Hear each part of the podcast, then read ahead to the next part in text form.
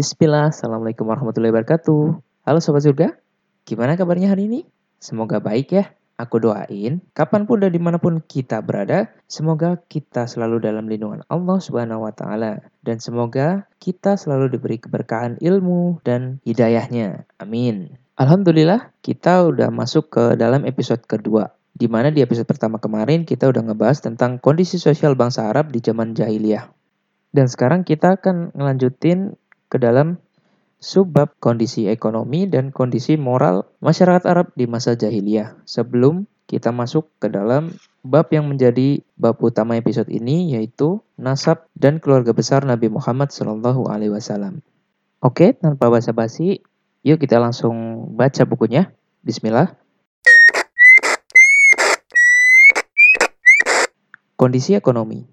Kondisi sosial di atas berimbas kepada kondisi ekonomi. Hal ini diperjelas dengan melihat cara dan gaya hidup bangsa Arab.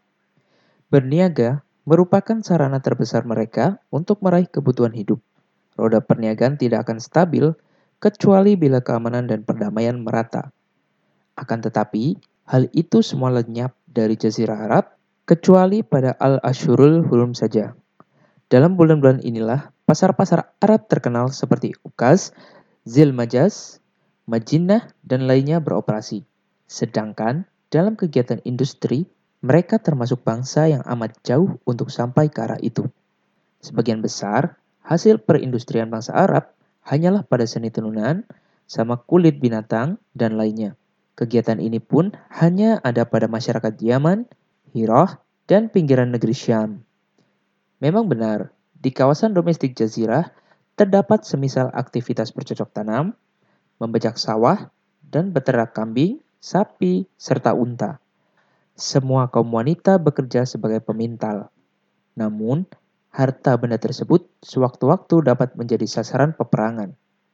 Kemiskinan, kelaparan, serta kehidupan papa menyelimuti masyarakat. Lalu kita masuk ke substansial bab kondisi moral. Kita tidak dapat memungkiri bahwa pada sisi masyarakat jahiliyah terdapat kehidupan nista, pelacuran, dan hal-hal lain yang tidak dapat diterima oleh akal sehat dan ditolak oleh hati nurani. Namun demikian, mereka juga mempunyai akhlak mulia dan terpuji yang amat menawan siapa saja. Juga membuatnya terkesima dan takjub. Di antara akhlak-akhlak tersebut adalah kemurahan hati. Mereka berlomba-lomba memiliki sifat ini dan berbangga dengannya. Setengah dari bait-bait syair mereka tuangkan untuk menyebut sifat ini, baik dalam rangka memuji diri sendiri maupun memuji orang lain. Seseorang terkadang kedatangan tamu di saat temperatur udara demikian dingin dan perut merintih kelaparan. Dan di saat itu pula, ia tidak memiliki harta apa-apa selain unta betina yang satu-satunya menjadi gantungan hidupnya dan keluarganya. Akan tetapi, karena terobsesi oleh getaran kemurahan hati membuatnya bergegas untuk menyuguhkan sesuatu. Karenanya, dia lantas menyembelih satu-satunya unta miliknya untuk tamunya tersebut. Di antara pengaruh sifat murah hati tersebut menjadikan mereka sampai-sampai rela menanggung denda yang demikian besar dan beban-beban yang dahsyat demi upaya mencegah pertumpahan darah dan melayangnya jiwa. Mereka berbangga atas hal tersebut dan menyombongkan diri di hadapan orang lain, baik para tokoh maupun para pemuka. Sebagai implikasi dari sifat tersebut, mereka membanggakan diri dengan kebiasaan meminum arak. Hal ini sebenarnya bukanlah lantaran bangga dengan esensi minuman-minuman itu, tetapi lantaran hal itu merupakan sarana menuju tertanamnya sifat murah hati tersebut. Dan juga sarana yang memudahkan tumbuhnya jiwa yang suka berfoya-foya. Dan lantaran itu pula, mereka menamakan pohon anggur dengan al-karam atau kemurahan hati. Sedangkan arak yang terbuat dari anggur itu, mereka namakan bintul karam atau putri kemurahan hati. Jika Anda membuka lembaran-lembaran diwan atau koleksi-koleksi syair-syair jahiliyah, Anda akan menemukan satu bab yang bertajuk Al-Madih wal Fakr atau pujian-pujian dan kebanggaan diri. Dalam hal ini, Antarah bin Syaddad al-Absh mengurai bait-bait syairnya dalam mu'alakahnya. Sungguh, aku telah menenggak arak di tempat mulia, sesudah wanita-wanita penghibur dilantarkan. Dengan botol kuning di atas nampan, nan terangkai bunga dalam gegangan tangan dingin. Saat aku menenggak, sungguh aku habiskan seluruh hartaku. Namun begitu, kehormatanku masih sadarkan. Kala aku tersadarkan, takkan lengah menyongsong panggilan. Sebagaimana hal itu melekat pada sifat dan tabiatku. Pengaruh lainnya dari sifat Al-Karam adalah menjadikan mereka sibuk dengan bermain judi di mana mereka menganggap hal itu sebagai salah satu sarana menuju sifat tersebut. Karena dari keuntungan yang diraih dalam berjudi tersebut, mereka belanjakan makanan untuk fakir miskin.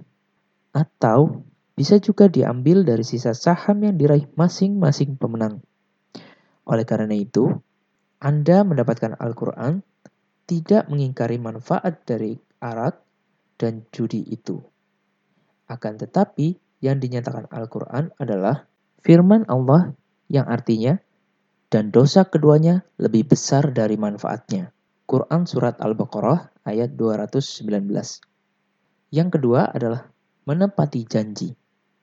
Janji dalam tradisi mereka adalah laksana agama yang harus dipegang teguh. Bahkan, untuk merealisasikannya, mereka tidak segan-segan membunuh anak-anak mereka dan menghancurkan tempat tinggal mereka sendiri. Untuk mengetahui hal itu, cukup dengan membaca kisah Hani bin Mas'ud Asy-Syaibani, Asamau Al bin Adiyah, dan Hajib bin Zurarah At-Tamimi. Dan yang ketiga, harga diri yang tinggi dan sifat pantang menerima pelecehan dan kezaliman. Implikasi dari sifat ini adalah tumbuhnya pada diri mereka keberanian yang amat berlebihan cemburu buta, dan cepatnya emosi meluap. Mereka adalah orang-orang yang tidak akan pernah bisa bersabar mendengar ucapan yang mereka cium berbau penghinaan dan pelecehan. Dan apabila hal itu terjadi, maka mereka tak segan-segan menghunus pedang dan mengacukan hulu tombak serta mengobarkan peperangan yang panjang. Mereka juga tidak peduli bila nyawa mereka menjadi taruhannya demi mempertahankan sifat tersebut. Yang keempat, tekad yang pantang surut. Bila mereka sudah bertekad untuk melakukan sesuatu yang mereka anggap suatu kemuliaan dan kebanggaan, maka tak ada satupun yang dapat menyurutkan tekad mereka tersebut. Bahkan, mereka akan nekat menerjang bahaya demi hal itu. Dan yang kelima, meredam kemarahan sabar, dan amat berhati-hati.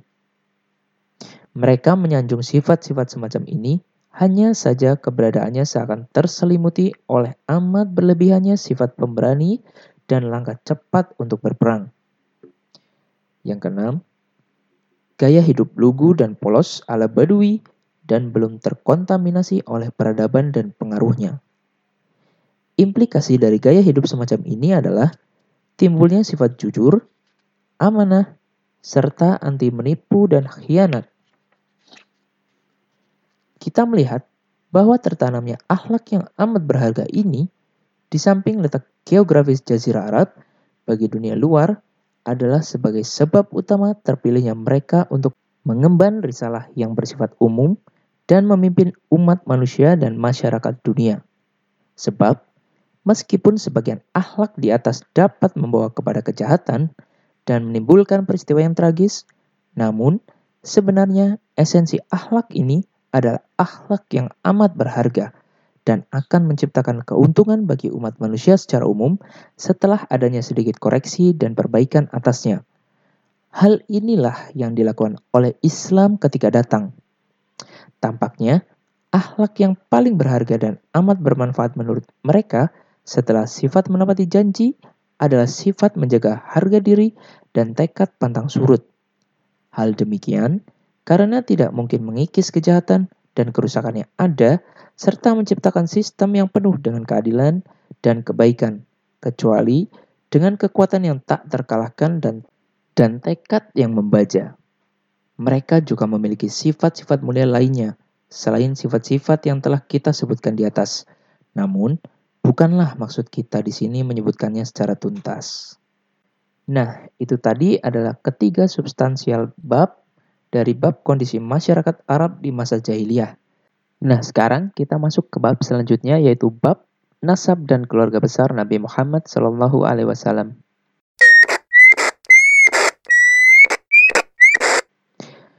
Substansi yang pertama adalah nasab Nabi SAW. Nasab Nabi SAW terbagi ke dalam tiga klasifikasi. Pertama, yang disepakati oleh Ahlus Syiar wal Ansab atau para sejarawan dan ahli nasab, yaitu urutan nasab beliau hingga kepada Adnan. Kedua, yang masih diperselisihkan antara yang mengambil sikap diam dan tidak berkomentar dengan yang berpendapat dengannya yaitu urutan nasab beliau dari atas Adnan hingga Ibrahim alaihissalam.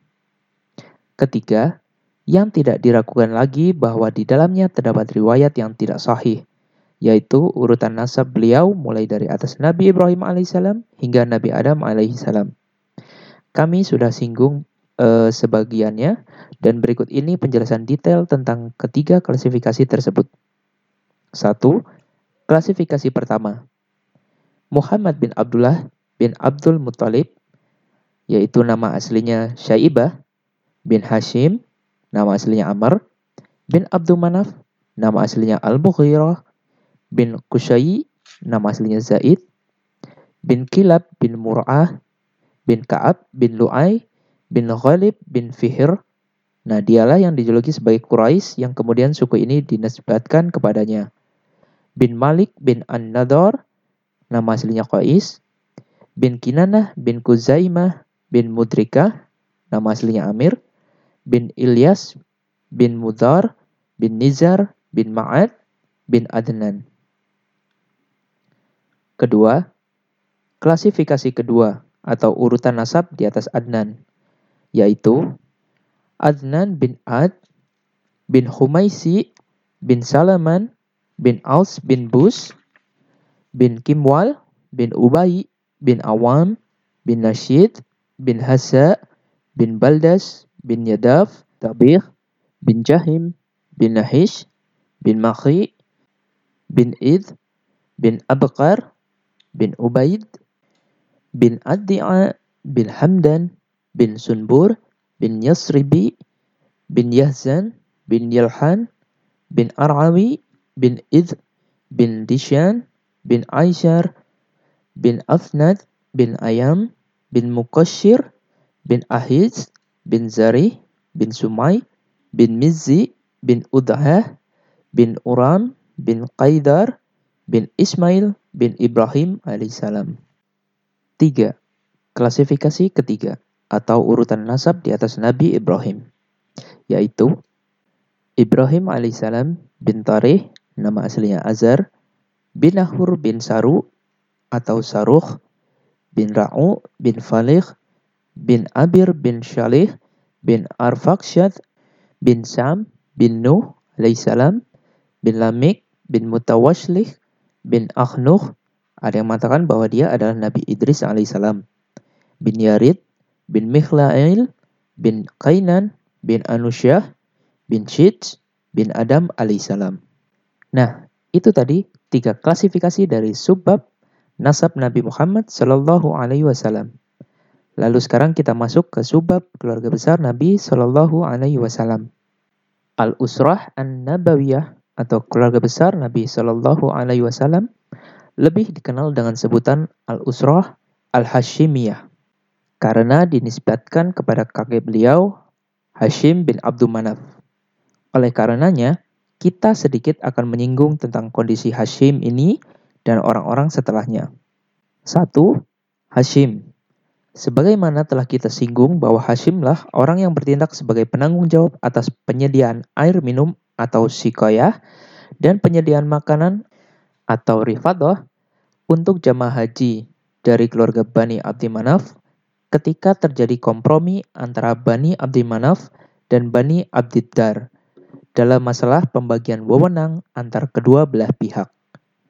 Hashim dikenal sebagai orang yang hidup berkecukupan dan bangsawan besar. Dialah orang yang pertama menyediakan atharid, semacam roti yang diremuk dan disiram kuah.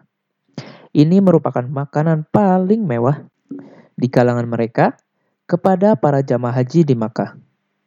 Nama aslinya adalah Amr. Adapun kenapa dia dinamakan Hashim, hal ini dikarenakan pekerjaannya yang meremuk-remukan roti tersebut sesuai dengan arti kata Hashim dalam bahasa Arabnya. Dia jugalah orang pertama yang membuat tradisi melakukan dua perjalanan niaga bagi kaum Quraisy, yaitu Rihlatus Shita perjalanan niaga di musim dingin ke wilayah Syam, dan Rihlatus Syaif, perjalanan niaga di musim panas ke wilayah Yaman. Kedua perjalanan tersebut disebutkan di dalam surat Quraisy. Berkenaan dengan hal ini, seorang penyair bersenandung seperti di bawah ini. Amarlah orang yang menghidangkan farid kepada kaumnya. Kaum di Makkah yang ditimpa kurang hujan dan paceklik Olehnya lah pencanangan tradisi dua perjalanan niaga. Perjalanan niaga di musim dingin dan di musim panas. Di antara kisah tentang dirinya, suatu hari dia pergi berniaga ke kota Syam. Namun, ketika tiba di Madinah, dia menikah dengan Salma binti Amir, salah seorang putri Bani Adi bin An-Najjar. Dia tinggal bersama istrinya untuk beberapa waktu, kemudian berangkat ke negeri Syam. Sementara istrinya ditinggalkan bersama keluarganya dan sedang mengandung Abdul Muthalib di dalam perutnya. Hashim akhirnya meninggal di Gaza, salah satu kawasan di Palestina. Istrinya, Salma, melahirkan putranya, Abdul Muthalib, pada tahun 497 Masehi. Ibunya menamakannya Syaibah, yang berarti uban, karena tumbuhnya uban di kepalanya. Salma mendidik anaknya di rumah ayahnya Amr di Yasrib, sedangkan keluarganya yang di Makkah tidak seorang pun dari mereka yang mengetahui perihal dirinya. Hashim mempunyai empat orang putra dan lima orang putri. Keempat putranya tersebut adalah Asad, Abu Syaifi, Nadlah, dan Abdul Muttalib. Sedangkan kelima putrinya adalah Ashifa, Khalidah, Da'ifah, Ruqayyah, dan Jannah. 2. Abdul Muttalib Dari pembahasan yang telah lalu, kita telah mengetahui bahwa tanggung jawab atas penanganan Sikayah dan Rifadah sepeninggal Hashim diserahkan kepada saudaranya yang bernama Al-Muttalib bin Abdul Manaf. Dia adalah seorang bangsawan yang disegani dan memiliki karisma di kalangan kaumnya. Orang-orang Quraisy menjulukinya dengan Al-Fayyad karena kedermawanannya. Sebab makna kata Al-Fayyad adalah orang yang dermawan, murah hati. Ketika Syaibah alias Abdul Muthalib menginjak usia tujuh tahun atau delapan tahun lebih, Al-Muthalib, pamannya, mendengar berita tentang dirinya. Lantas pergi mencarinya.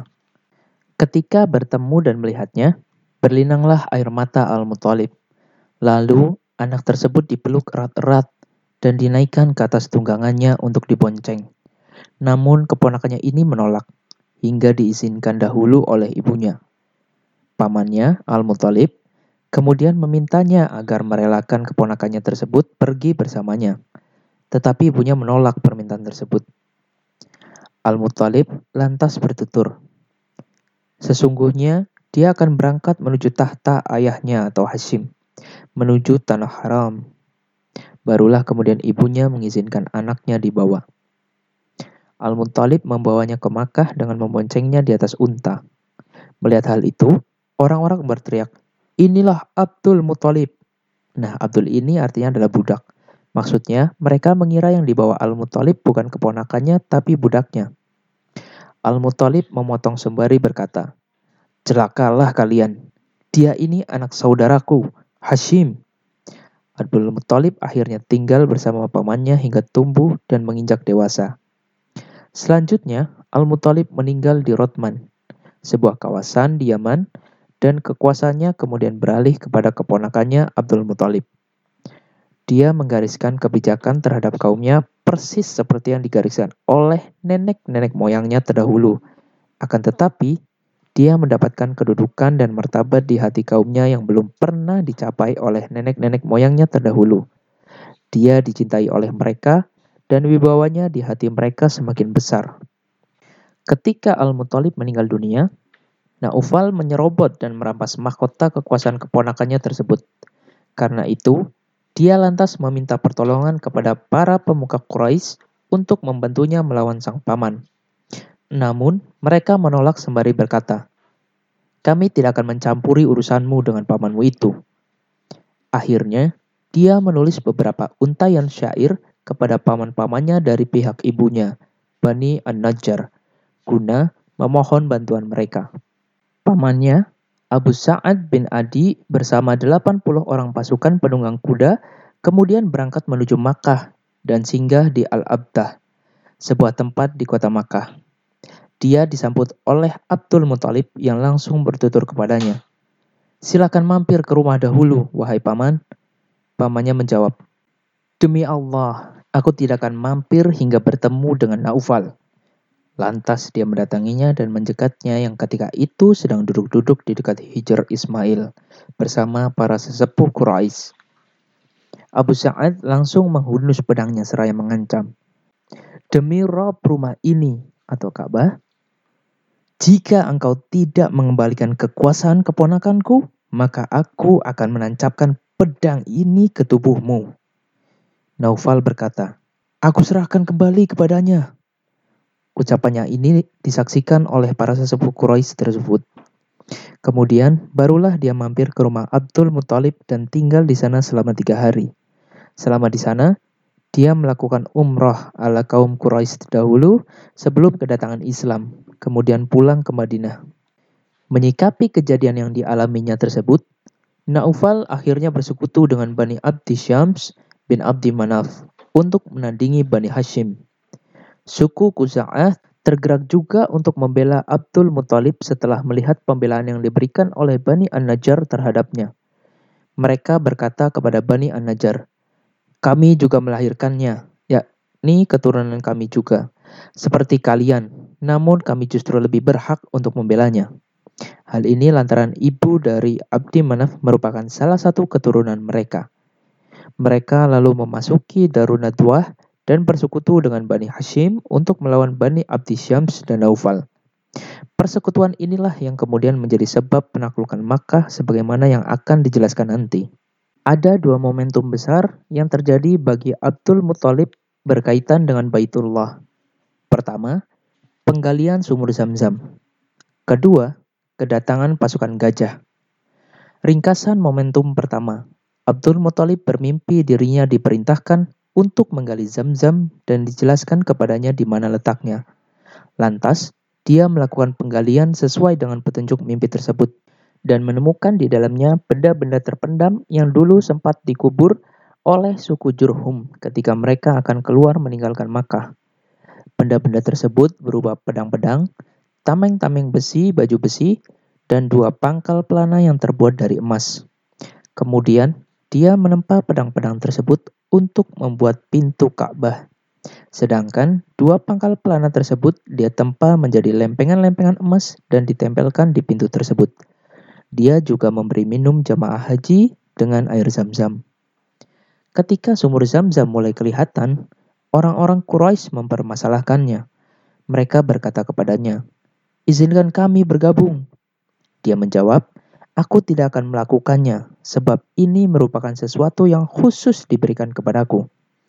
Mereka tidak tinggal diam begitu saja, tetapi menggelar permasalahannya ke sidang pengadilan yang dipimpin oleh seorang dukun wanita dari Bani Sa'ad di pinggiran negeri Syam. Namun, dalam perjalanan mereka ke sana, bekal air habis. Lalu Allah menurunkan hujan untuk Abdul Muthalib sementara tidak setetes pun tercurah untuk mereka.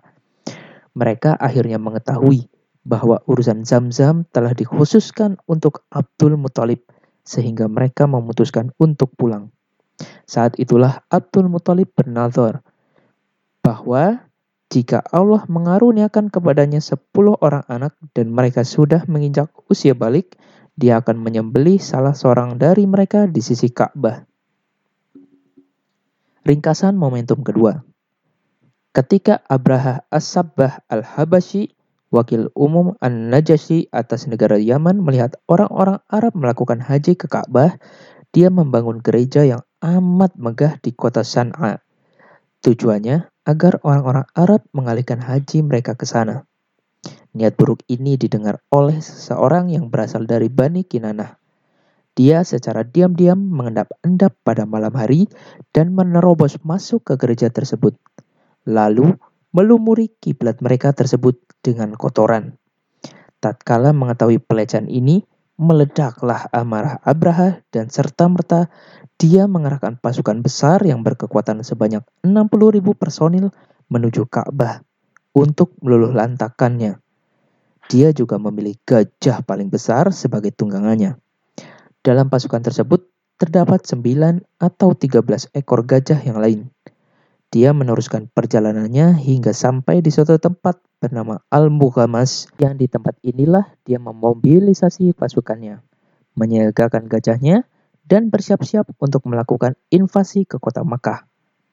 Akan tetapi, baru saja mereka sampai di Wadi Maksir atau Lembah Maksir, yang terletak antara Musdalifah dan Mina, tiba-tiba gajahnya berhenti dan duduk.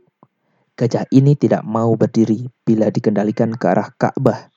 Akan tetapi bila mereka kendalikan ke arah selatan, utara, atau timur, ia mau maju dan berlari kecil.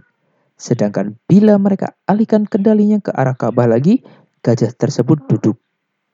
Manakala mereka mengalami kondisi semacam itu, Allah mengirimkan ke atas mereka burung-burung yang berbondong-bondong, sembari melempari mereka dengan batu yang terbuat dari tanah yang terbakar. Lalu Allah menjadikan mereka seperti daun-daun yang dimakan ulat. Burung tersebut semisal katatif atau burung layang-layang dan balasan atau pohon murbei.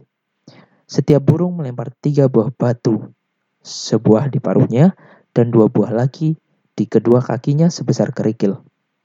Tidaklah lemparan batu tersebut mengenai seseorang, melainkan akan menjadikan anggota-anggota badannya hancur berkeping-keping dan binasa. Tidak semua dari mereka terkena lemparan tersebut. Ada yang dapat keluar melarikan diri, tetapi mereka saling berdesakan satu sama lainnya, sehingga banyak yang jatuh di jalan-jalan. Lantas mereka binasa terkapar di setiap tempat. Sedangkan Abraha sendiri Allah kirimkan kepadanya satu penyakit yang membuat sendi jari jemari tangannya tanggal dan berjatuhan satu persatu. Sebelum mencapai San'a, dia tak ubahnya seperti seekor anak burung yang dadanya terbelah hingga jantungnya terlihat, untuk kemudian dia roboh tak bernyawa. Adapun kondisi orang-orang Quraisy, mereka berpencar-pencar ke celah-celah bukit dan bertahan di puncak-puncaknya karena merasa takut atas keselamatan mereka dan dipermalukan oleh tentara bergajah tersebut. Manakala pasukan tersebut telah mengalami kejadian tragis dan mematikan tersebut, mereka turun gunung dan kembali ke rumah masing-masing dengan rasa penuh aman. Peristiwa tragis tersebut terjadi pada bulan Muharram, 50 hari atau 55 hari menurut pendapat mayoritas sebelum kelahiran Nabi Shallallahu Alaihi Wasallam. Dalam kalender Masehinya bertepatan dengan penghujung bulan Februari atau permulaan bulan Maret pada tahun 571 Masehi. Peristiwa tersebut ibarat prolog yang disajikan oleh Allah khusus buat Nabi dan rumah Ka'bahnya. Sebab ketika kita mengamati kondisi Baitul Maqdis, kita mengetahui bahwa kiblat ini dulu sebelum Ka'bah telah dikuasai oleh musuh-musuh Allah dari kalangan kaum musyrikin sebanyak dua kali. Padahal ketika itu penduduknya beragama Islam, yakni sebagaimana yang terjadi dengan tindakan Nabukadnezar terhadapnya pada tahun 587 sebelum Masehi dan oleh bangsa Romawi pada tahun 70 Masehi. Sebaliknya, Ka'bah tidak pernah dikuasai oleh orang-orang Nasrani di mana mereka ketika itu disebut juga sebagai orang-orang Islam atau Muslimin, padahal penduduk Makkah adalah kaum musyrikin. Peristiwa tragis tersebut juga terjadi dalam kondisi di mana beritanya dapat sampai ke seluruh penjuru dunia yang ketika itu sudah maju. Di antaranya, sampai ke negeri Habasyah yang ketika itu memiliki hubungan yang erat dengan orang-orang Romawi. Di sisi lain, orang-orang Persia masih terus memantau perkembangan mereka dan menunggu apa yang akan terjadi terhadap orang-orang Romawi dan sekutu-sekutunya. Maka, ketika mendengar peristiwa tragis tersebut, orang-orang Persia ini segera berangkat menuju Yaman. Kedua negeri inilah, Persia dan Romawi, yang saat itu merupakan negara maju dan berperadaban, superpower, peristiwa tersebut juga mengundang perhatian dunia dan memberikan isyarat kepada mereka akan kemuliaan Baitullah Baitullah inilah yang dipilihnya untuk dijadikan sebagai tempat suci. Jadi, bila ada seseorang yang berasal dari tempat ini mengaku sebagai pengemban risalah kenabian, maka hal inilah tujuan utama dari terjadinya peristiwa tersebut dan penjelasan terhadap hikmah terselubung di balik pertolongan Allah terhadap kaum musyrikin melawan kaum mukminin dengan cara yang melampaui ukuran yang ada pada dunia yang bernuansa kausalitas ini. Abdul Muthalib mempunyai 10 orang putra, yaitu Al-Haris, Az-Zubair, Abu Talib, Abdullah, Hamzah, Abu Lahab, Al-Ghaidaq, Al-Muqawam, Safar, dan Al-Abbas. Ada riwayat yang menyebutkan bahwa mereka berjumlah 11 orang, yaitu ditambah dengan seorang putra lagi yang bernama Kutsum. Riwayat lain menyebutkan bahwa mereka berjumlah 13 orang, yakni ditambah dari nama-nama yang sudah ada pada dua versi di atas dengan dua orang putra lagi yang bernama Abdul Ka'bah dan Hajla. Namun, ada riwayat pula yang menyebutkan bahwa Abdul Ka'bah ini tak lain adalah Al-Muqawam di atas, sedangkan Hajla adalah Al-Ghaidak dan di antara putra-putranya tersebut tidak ada yang bernama Kutsum. Adapun putri-putrinya berjumlah enam orang, yaitu Ummul Hakim atau Al-Baida atau si putih, Barah, Atikah, Safiyah, Arwa, dan Umaymah. Tiga, Abdullah, ayahanda Rasulullah Shallallahu Alaihi Wasallam. Ibu Abdullah bernama Fatimah binti Amr bin Aiz bin Imran bin Makhzum bin Yakhzah bin Murah. Abdullah ini adalah anak yang paling tampan di antara putra-putra Abdul Muthalib, yang paling bersih jiwanya dan paling disayanginya. Dialah yang sebenarnya calon kurban yang dipersembahkan oleh Abdul Muthalib sesuai nazarnya di atas. Kisahnya, ketika Abdul Muthalib sudah menggenapkan jumlah anak laki-lakinya menjadi 10 orang dan mengetahui bahwa mereka mencegahnya agar mengurungkan niatnya, dia kemudian memberitahu mereka perihal nazar tersebut sehingga mereka pun mau menaatinya. Dia menulis nama-nama mereka di anak panah yang akan diundikan di antara mereka dan dipersembahkan kepada patung Hubal. Kemudian undian tersebut dimulai dan yang keluar adalah nama Abdullah. Maka Abdul Muthalib membimbingnya sembari membawa pedang dan pergi menuju Ka'bah untuk segera menyembelihnya. Namun orang-orang Quraisy mencegahnya, terutama paman-pamannya dari pihak ibu, dari Bani Maksum, dan saudaranya Abu Talib. Menghadapi sikap tersebut, Abdul Muttalib berkata, Lantas, apa yang harus kuperbuat dengan nazarku? Mereka menyarankannya agar dia mendatangi tukang ramal wanita dan meminta petunjuknya. Dia kemudian datang kepadanya dan meminta petunjuknya. Si peramal wanita ini memerintahkannya untuk mengundi antara anak panah bertuliskan nama Abdullah dan anak panah bertuliskan 10 ekor unta. Jika yang keluar nama Abdullah, maka dia Abdul Muthalib harus menambah tebusan 10 ekor unta lagi. Begitu seterusnya hingga robnya ridho. Dan jika yang keluar nama unta, maka cukuplah unta itu yang disembelih sebagai kurban. Abdul Muthalib pun kemudian pulang ke rumahnya dan melakukan undian antara nama Abdullah dan sepuluh ekor unta. Lalu keluarlah nama Abdullah. Manakala yang terjadi seperti ini, dia terus menambah tebusan atasnya sepuluh ekor unta. Begitu seterusnya, setiap diundi maka yang keluar adalah nama Abdullah. Dan dia pun terus menambahnya dengan sepuluh ekor unta hingga unta tersebut sudah berjumlah seratus ekor barulah undan tersebut jatuh pada nama unta-unta tersebut. Maka dia kemudian menyembelihnya sebagai pengganti Abdullah. Unta tersebut ditinggalkannya begitu saja, dan ia tidak melarang siapa pun yang menginginkannya, baik manusia ataupun binatang buas. Dulu, diat atau ganti rugi atas jiwa yang terbunuh di kalangan orang Quraisy dan bangsa Arab secara keseluruhan dihargai dengan 10 ekor unta. Namun, sejak peristiwa itu maka dirubah menjadi 100 ekor unta yang kemudian dilegitimasi oleh Islam.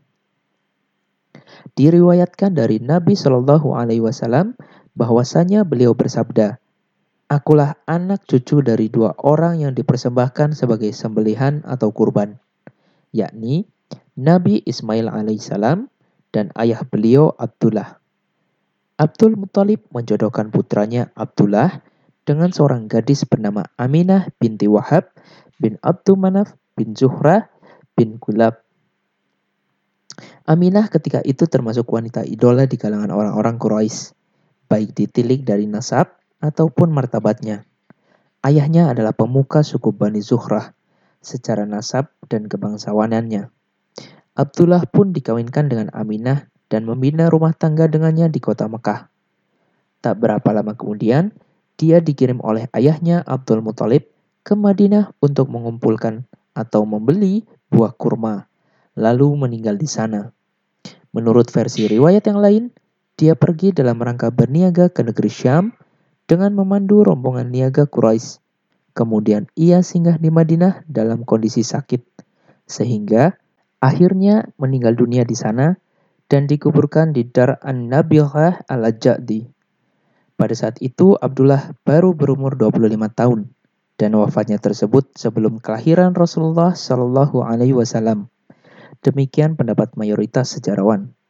Riwayat yang lain menyebutkan bahwa dia wafat dua bulan setelah kelahiran Nabi Shallallahu Alaihi Wasallam atau lebih dari itu.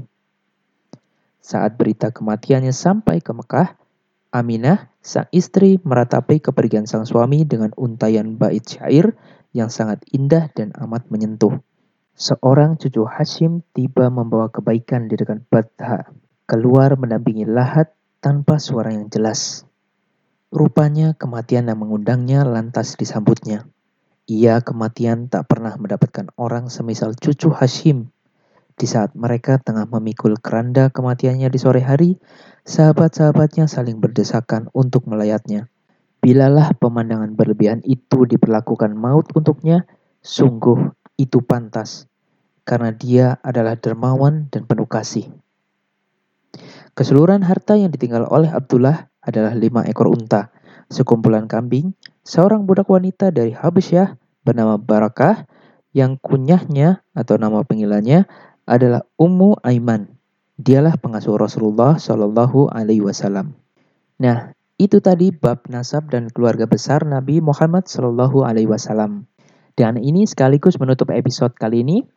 Ya Alhamdulillah, senang bisa belajar bersama teman-teman. Semoga dengan podcast sederhana ini bisa teman-teman ambil manfaatnya. Dan semoga kita selalu berada di dalam lindungan Allah, diberi hidayah, kesehatan, dan keberkahan dalam hidup. Amin. Kita akan menyambung ke bab selanjutnya yaitu kelahiran dan 40 tahun sebelum kenabian di episode berikutnya. Yang semoga kita diberi panjang umur agar bisa ketemu lagi di episode selanjutnya. Aku Eka Maifan dari Soundbook. Wassalamualaikum warahmatullahi wabarakatuh. See ya.